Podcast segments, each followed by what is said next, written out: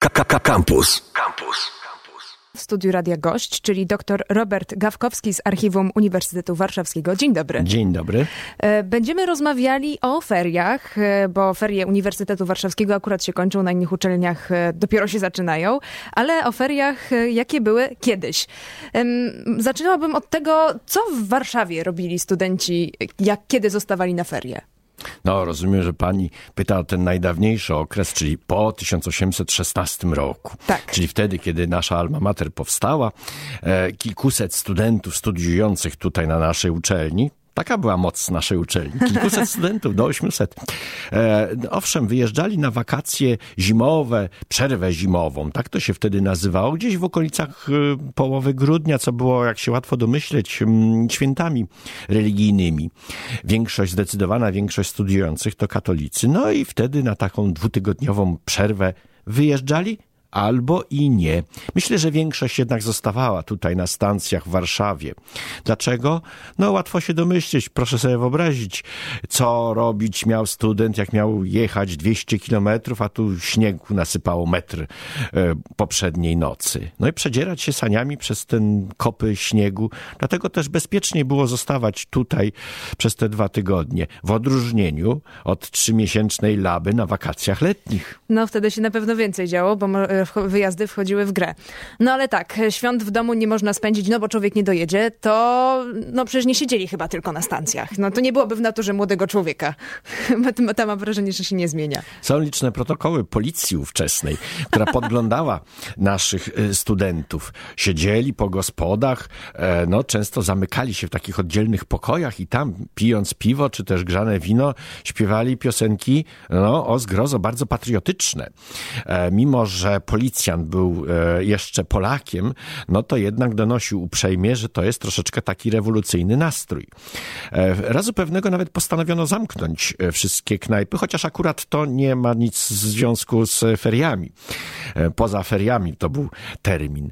No i wtedy ktoś rozsądny z policjantów wpadł na pomysł, że przecież zamykanie knajp to oznaczało, że studenci nie będą mieli się gdzie żywić.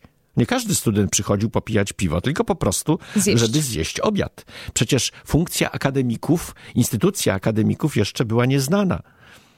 Więc e, jeżeli zostały zamknięte knajpy, to biedny student nie dość tego, że nie miał gdzie wypić i gdzie się bawić, to jeszcze nie miał e, co jeść. A czy wiadomo, poza typową biesiadą, która e, notabene mam wrażenie, że to się przez lata nie zmienia i to jest jedna z bardziej ulubionych rozrywek studentów, to jakie gry na przykład wchodziły w zabawę, no, w, w grę? Gry wchodziły w grę? No bo przecież nie było internetu, nie było komputera, książek też dużo nie było. E, książki owszem i były i chętnie czytano, e, chociaż pewno nie taką literaturę, jak sobie wyobrażamy. Bardzo często to były proste wierszyki, rymowanki, złośliwości czasami wobec kogoś, a gry, no cóż, karciochy. I proszę pamiętać, że nasz rektor, e, profesor Szwejkowski, nawet zabronił gry w karty i polecił policji, żeby ta badała, czy czasem w tych gospodach to właśnie tego typu rzeczy się nie dzieją. A dlaczego? No, gra w karty uznawano za trochę taką rozpustą grę, która deprawuje młodzież. No a sport, słowo to jeszcze nie istniało w języku polskim, więc zresztą zimą tu w Warszawie, gdzie ten metr śniegu by napadał, cóż było robić? Lepiej zamknąć się w swoich tych czterech ścianach na stacji wynajmowanej i jakoś przeżyć ten dwutygodniowy, trzytygodniowy okres. Jeżeli chodzi o karcianki, to wiadomo jakie to były gry. Zapewne pieniądze, skoro jeszcze to była taka deprawacja. Och, niech pani tego głośno nie mówi mówi. Tak, tak, niestety w ten sposób zabawiano się. Dużo więcej możemy powiedzieć o wakacjach letnich, dlatego że one były mm, dużo dostępniejsze dla wszystkich. Student ówczesnego Królewskiego Uniwersytetu Warszawskiego, Wiktor Szokalski, u, to ważne nazwisko, bo to w przyszłości będzie ekspert od okulistyki, student medycyny Uniwersytetu Warszawskiego. Mamy jego e, wspomnienia, jak podróżował gdzieś tam do wschodniej Wielkopolski, czyli dobre 250 kilometrów. I proszę sobie wyobrazić, że podróżował e, w jakimś powozie, siedział oszczędnie obok kozła e, woźnicy, to te najgorsze miejsca, no ale i najtańsze. No i tak przez 24 godziny trzeba było podróżować aż do miejscowości Koło. A potem z koła przesiadali się do tej swojej miejscowości Słupca, co było prawie że granicą ówczesnego Królestwa Polskiego z zaborem niemieckim, pruskim. A w jakim momencie zaczął się ten zwyczaj jeżdżenia w góry zimą? O, to dużo później. E, to już mówimy o drugiej Rzeczpospolitej. Dopiero. Druga Rzeczpospolita wytworzyła od razu różnego rodzaju organizacje e, studenckie, na przykład Bratnia Pomoc e, i tu kolejne uczelnie Uniwersytetu Warszawskiego, Wyższej Szkoły Handlowej, Szkoły Głównego Gospodarstwa Wiejskiego i tak dalej, i tak dalej. Zresztą tych wyższych uczelni w Warszawie aż tak dużo też nie było w owym czasie. Pomoc jednak była daleko idąca. Już na takim pierwszym zjeździe Młodzieży Akademickiej 1920 roku proponowano, ażeby uczelnia, państwowa uczelnia wspomogła ten świat akademicki i zafundowała senatorium dla studentów w Zakopanem.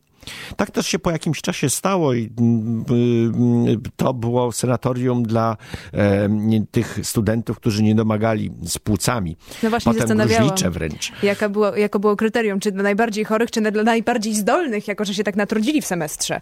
No, w tamtych czasach to chyba chodziło o tych chorych, o tych niedożywionych. Proszę pamiętać, 1920 rok właśnie się nam zakończyła wojna polsko-bolszewicka i w ogóle wojna o granice Rzeczpospolitej. Tak naprawdę w 21 roku po powstaniu śląskim już wiadomo było, jakie granice nasz kraj będzie miał. Studenci bardzo często ochotniczo uczestniczyli w tym patriotycznym zrywie, gdzieś tam zamiast do nauki to szli na front. No i nic dziwnego, że byli poturbowani, ranni, wymagali jakiejś po prostu opieki i wypoczynku. Więc to może nie brzmiało tak jako przekłamanie, czy tak zbyt dramatycznie. Po prostu studenci wymagali opieki takiej zdrowotnej. Jesteśmy teraz na etapie drugiej RP. E, Wtedy zaczęły się wyjazdy w góry, w wakacje zimowe. E, Gdzie studenci jeździli najczęściej? Tak, od 1918 to e, tym mniej e, w historii obeznanym studentom wyjaśnijmy. Zaraz po odzyskaniu niepodległości to jeszcze się nie zaczynały, trzeba było czekać tych kilka lat, aż pierwsze grupy zorganizowane, grupy studenckie około 22-23 roku e, zaczęły regularne wizyty w Zakopanem lub w okolicach, tam gdzieś pod górami. Te pierwsze wizyty uświadomiły studentom, że Zakopane jest po prostu dosyć drogie. W związku z tym przemieszczano się do Murzasichle, do y, Doliny Kościeliskiej i gdzieś tam w chałupach dosyć prymitywnych mm, w latem, to wręcz pod namiotami. No ale rozumiem, że mówimy o feriach zimowych. Tak, zasypani po metr śniegiem, albo No, po kilka metrów. Zgadza się, tak sobie wyobraźmy, że tak było, bo tak zapewne mogło być. I oto w 1924 roku na takim wyjeździe, gdzie studenci bardzo ochoczo organizowali na przykład imprezy sportowe.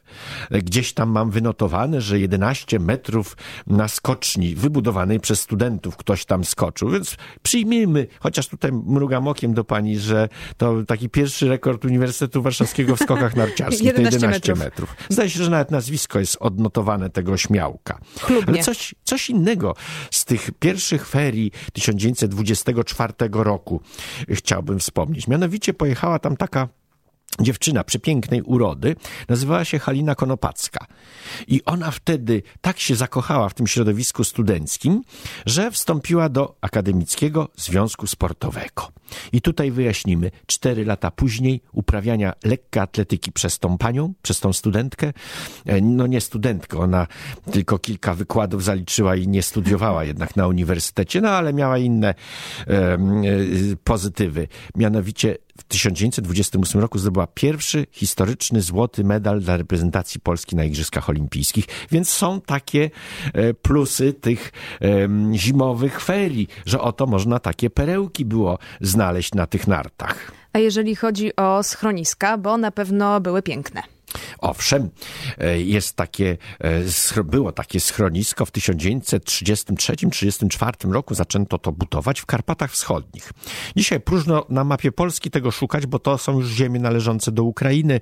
Wtedy to była Rzeczpospolita, a właśnie nawet skraj Rzeczpospolitej. Gdzieś tam w Karpatach Wschodnich na wysokości e, 2000 metrów, nawet troszeczkę wyżej jest szczyt Pop Iwan i tamże Uniwersytet Warszawski ufundował sobie obserwatorium astronomiczne naszej uczelni. I żeby to jakoś korelowało z ruchem studenckim, to 500 metrów niżej, o, może nawet jeszcze trochę wyżej, 1740 parę metrów nad poziomem morza, no, pamiętam do dzisiaj tę informację, tam właśnie wybudowano drewniane schronisko dla 50 osób. Można by powiedzieć dla 50 śmiałków. Bowiem podróż tam, do tego schroniska Akademickiego Związku Sportowego, to schronisko nazywało się wówczas e, imienia 36 Pułku Legii Akademickiej, czyli tej ochotniczej formacji związanej ze studentami. E, no więc tam, żeby się dostać, to trzeba było naprawdę mieć narty i żeby maszerować 20-30 kilometrów. E, stacja kolejowa, gdzieś jakaś wąskotorówka zatrzymywała się właśnie w takiej odległości od tego schroniska y, uniwersyteckiego AZS-u. Więc pomyślmy sobie, że taki student wówczas był nie lada śmiałkiem, jeśli tam doszedł do tego zapuszczonego w lasach, gdzieś w górach odległych schroniska. 20-30 kilometrów to też nawet ciężko w jeden dzień zrobić w takim śniegu po pas. Ja ostatnio szłam nie lada, nie wiem, 3 kilometry i byłam zmachana. Ale w śniegu? W śniegu śnieg znalazła? Znalazłam w Karkonoszach, z No drugiej proszę. strony zupełnie. E, Schroniska, domyślam się, e, też przeszły gruntowną renowację, te, które my teraz znamy, no bo wtedy te 30 kilometrów, przecież jakiś opał jeszcze trzeba, trzeba było mieć i No. prowiant. E, w tym schronisku, o którym mówimy, e, e, pod Kopilaszem, tak to się mówi, lub pod Popem Iwanem, Pop Iwanem, e, tam był taki pan od obsługi, e, znamy jego imię, nazwisko i mówiło się, że ten pan jest związany ze służbami specjalnymi II Rzeczpospolitej. I nic dziwnego, dlatego, że to było pogranicze naszego kraju. 500 metrów wyżej, tam zaraz za naszym, obse- 4 metry od naszego obserwatorium była granica polsko-czechosłowacka. Nacjonaliści ukraińscy masowo tamtędy przedzierali się na drugą stronę, żeby jakieś ulotki, żeby jakąś broń przemycać przez granicę. A więc niebezpieczna strefa.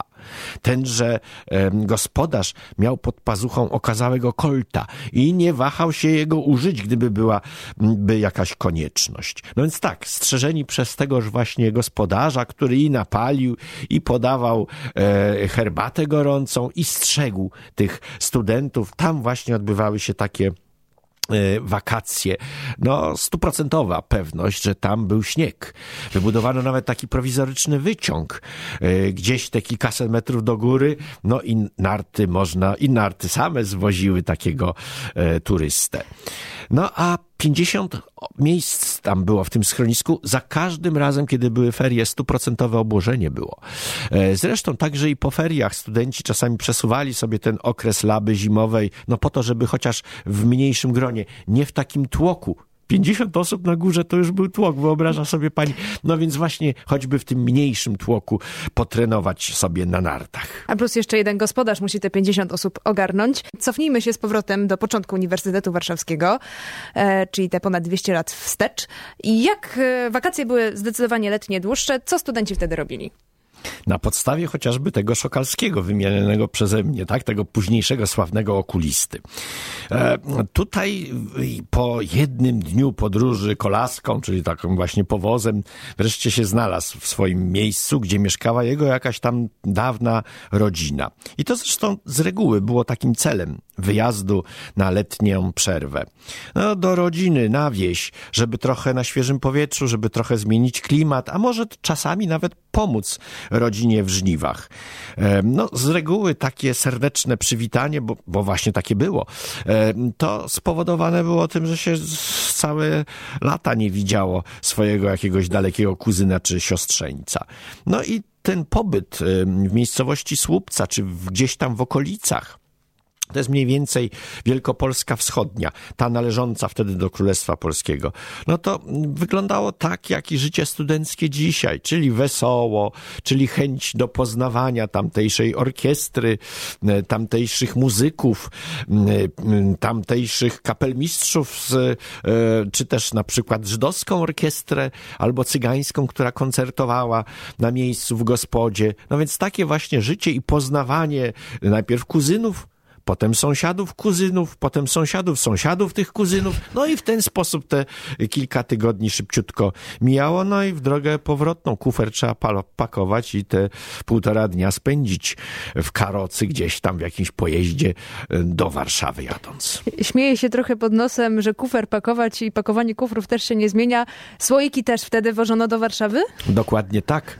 Tym bardziej, że rodzinka, e, no, pana takiego, który odwiedzał e, swoją dalszą familię i tyle trudu e, spożytkował na przyjazd, no to trzeba było jakoś się mu zrewanżować i czy też sery, czy kiełbasę, czy jaja dawano takiemu studentowi, który wracał do siebie tu do Warszawy na stację. Żeby nie głodował. E, w czasie drugiej RP działo się, myślę, że też e, proporcjonalnie więcej, e, bo i możliwości było więcej. No pewnie, że tak. No, nie trzeba było jakąś kolaską się tułać przez półtora dnia, tylko wystarczyło wsiąść w pociąg. Gdzieś za parę godzin, za sześć godzin już się było w Lwowie, tam przesiadka na Lux Torpedę, która jechała do Worochty, dwie godziny. Ba, jeśli się miało narty, to wtedy konduktor nie policzał całej y, kwoty, tylko się miało odpowiednie zniżki. Zniżki, tak, ponieważ to jest wyjazd narciarski. Nie wiem, czy pani wie, że z tego zresztą paru cwaniaków korzystało. No, może nieładnie mówię paru cwaniaków, bo to przekupka jadąca gdzieś tam w góry handlować jajkami, to jakieś tam używane narty miała z sobą. No i ten bilet ulgowy jej się należał. Dopiero potem wypracowano taki model, że trzeba było jednak mieć ten bilet z pieczątką odnośnego urzędu, że student naprawdę jedzie na narty na wypoczynek zimowy. No ale mieliśmy mówić o lecie. Letnich, tak. Przeskoczyliśmy z powrotem do nart, czyli jednak nas ciągnie do ciągnie tej zimy. nas, tak. E, ale domyślam się, że latem e, poza jeszcze górami to i nad morze się jeździło. Nad morze, e, tym bardziej, że był to prawie że obowiązek patriotyczny. O. Przecież tego morza mieliśmy niedużo, tam sto ileś kilometrów, taki odcinek i to ciężko wywalczony. W związku z tym takie wakacje w Cetniewie, gdzieś tam w Wejherowie, na Helu, w Jastarni, no cieszyły się ogromną popularnością. A mówię tak na podstawie zbadania dokumentów poszczególnych organizacji studenckich. To nie tylko Akademicki Związek Sportowy, nie tylko Bratnia Pomoc, to jest największa samopomocowa organizacja studencka tamtych czasów, nie tylko Akademicki Związek Morski, ale cały szereg czy korporacji, czy jakichś innych mniejszych organizacji, koło medyków Uniwersytetu Warszawskiego, a więc wszystkie te organizacje pchały studentów właśnie na świeże powietrze, gdzieś tam nad wodę, z braku e, miejsc nad morzem, można wysłać było nad tak zwane Wileńskie Morze. Wileńskie Morze, sto kilkanaście kilometrów od Wilna, było największe jezioro w Rzeczpospolitej, tej drugiej Rzeczpospolitej. Takie dzisiejsze Śniardwy. Mhm. To było jezioro Narocz. I tam dość szybko e, po wybudowaniu linii kolejowej pod samą Narocz, wąskotorowej linii kolejowej, poustawiano kilka ośrodków, także i akademickie ośrodki. No i w ten oto sposób za niewielką opłatnością student miał tam możliwości mm, spędzenia takich letnich, e, kajakowo-żeglówkowych wakacji. Krótkie ostatnie pytanie na koniec, e, bo za niewielką opłatą, one wcześniej wspomnieliśmy, że te wyjazdy były trochę dofinansowywane, no bo student nie dysponował dużą kwotą przecież na te wszystkie wyjazdy. Jak sobie radzili? No tym bardziej, że trzeba było czesne płacić za roczną właśnie. opłatę za naukę na danej uczelni. No takie na przykład senatorium uniwersyteckie kosztowało 3 złote. Dodajmy, że takie 3 złote to jest równowartość dzisiaj stu kilkudziesięciu, dwustu kilkudziesięciu złotych bilet tramwajowy kosztował 15 groszy. Flaki na bazarze kupione, gorące z bułeczką, 25 groszy. To już mniej więcej mamy jasność, ile to pieniędzy było. No ale właśnie różnego rodzaju finans, organizacje, fundacje dofinansowywały takie wczasy. A jeśli się jechało przez bratnią pomoc, to sama bratnia pomoc oferowała zniżkowe bilety na takie wakacje gdzieś tam w górach. W naturze studentów leży to, że zawsze sobie znajdą jakieś fundusze, żeby pojechać, albo jakąś pomoc. I to się nie zmienia od y, tylu lat. A rozmawiałam o feriach i wakacjach studentów Uniwersytetu Warszawskiego razem z doktorem Robertem Z Archiwum UW. Dziękuję bardzo Dziękuję za rozmowę. Bardzo. Słuchaj Radio Campus, gdziekolwiek jesteś. Wejdź na www.radiocampus.fm.